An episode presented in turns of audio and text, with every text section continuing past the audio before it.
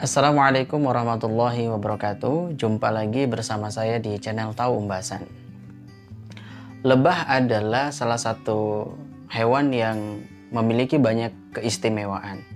Di antara keutamaannya adalah menurut penelitian, lebah melakukan penyerbukan lebih dari 70% dari 100 spesies tumbuhan yang menyediakan makanan sebagian besar penduduk dunia. Di dalam Islam, lebah memiliki kedudukan yang sangat mulia.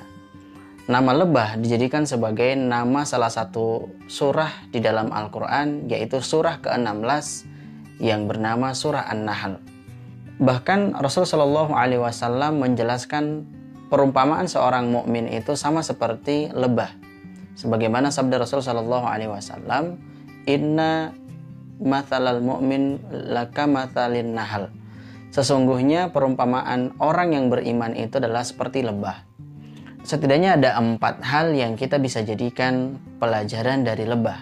Yang pertama, lebah selalu memakan makanan yang baik untuk dirinya.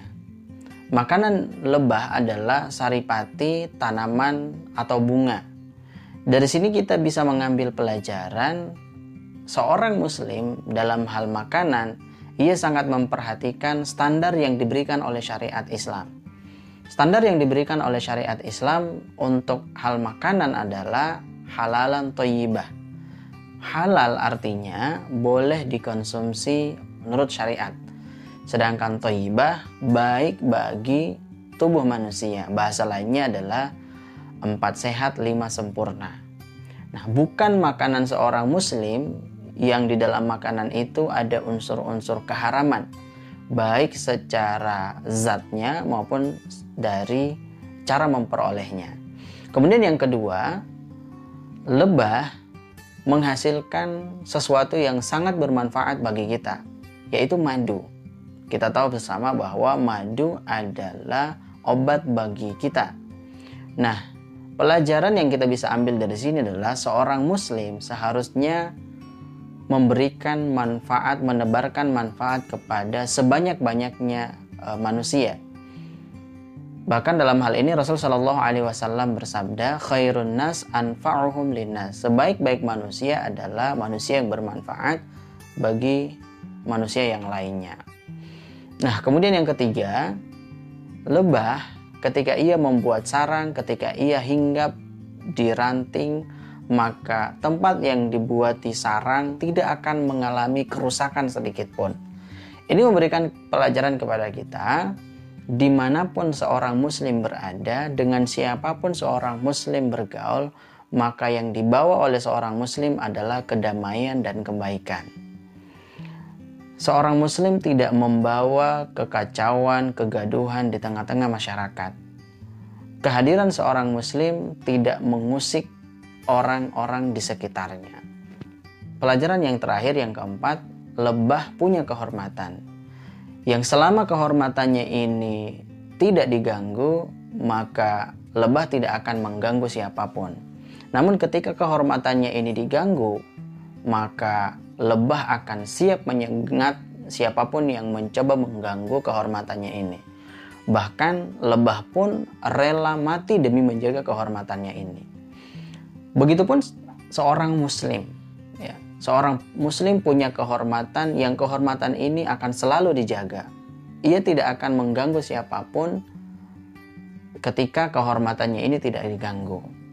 Namun ketika kehormatannya ini diganggu, maka seorang muslim akan berusaha sekuat tenaganya untuk menjaga kehormatannya ini. Bahkan ia akan rela mati demi menjaga kehormatannya ini apabila kehormatannya dilecehkan, dinistakan atau dizolimi. Nah, jadi dari sini kita bisa mengambil kesimpulan juga wajar jika umat Islam marah ketika kehormatannya yaitu Rasul Shallallahu Alaihi Wasallam dinistakan, dilecehkan oleh media masa Charlie Hebdo dan Presiden Prancis.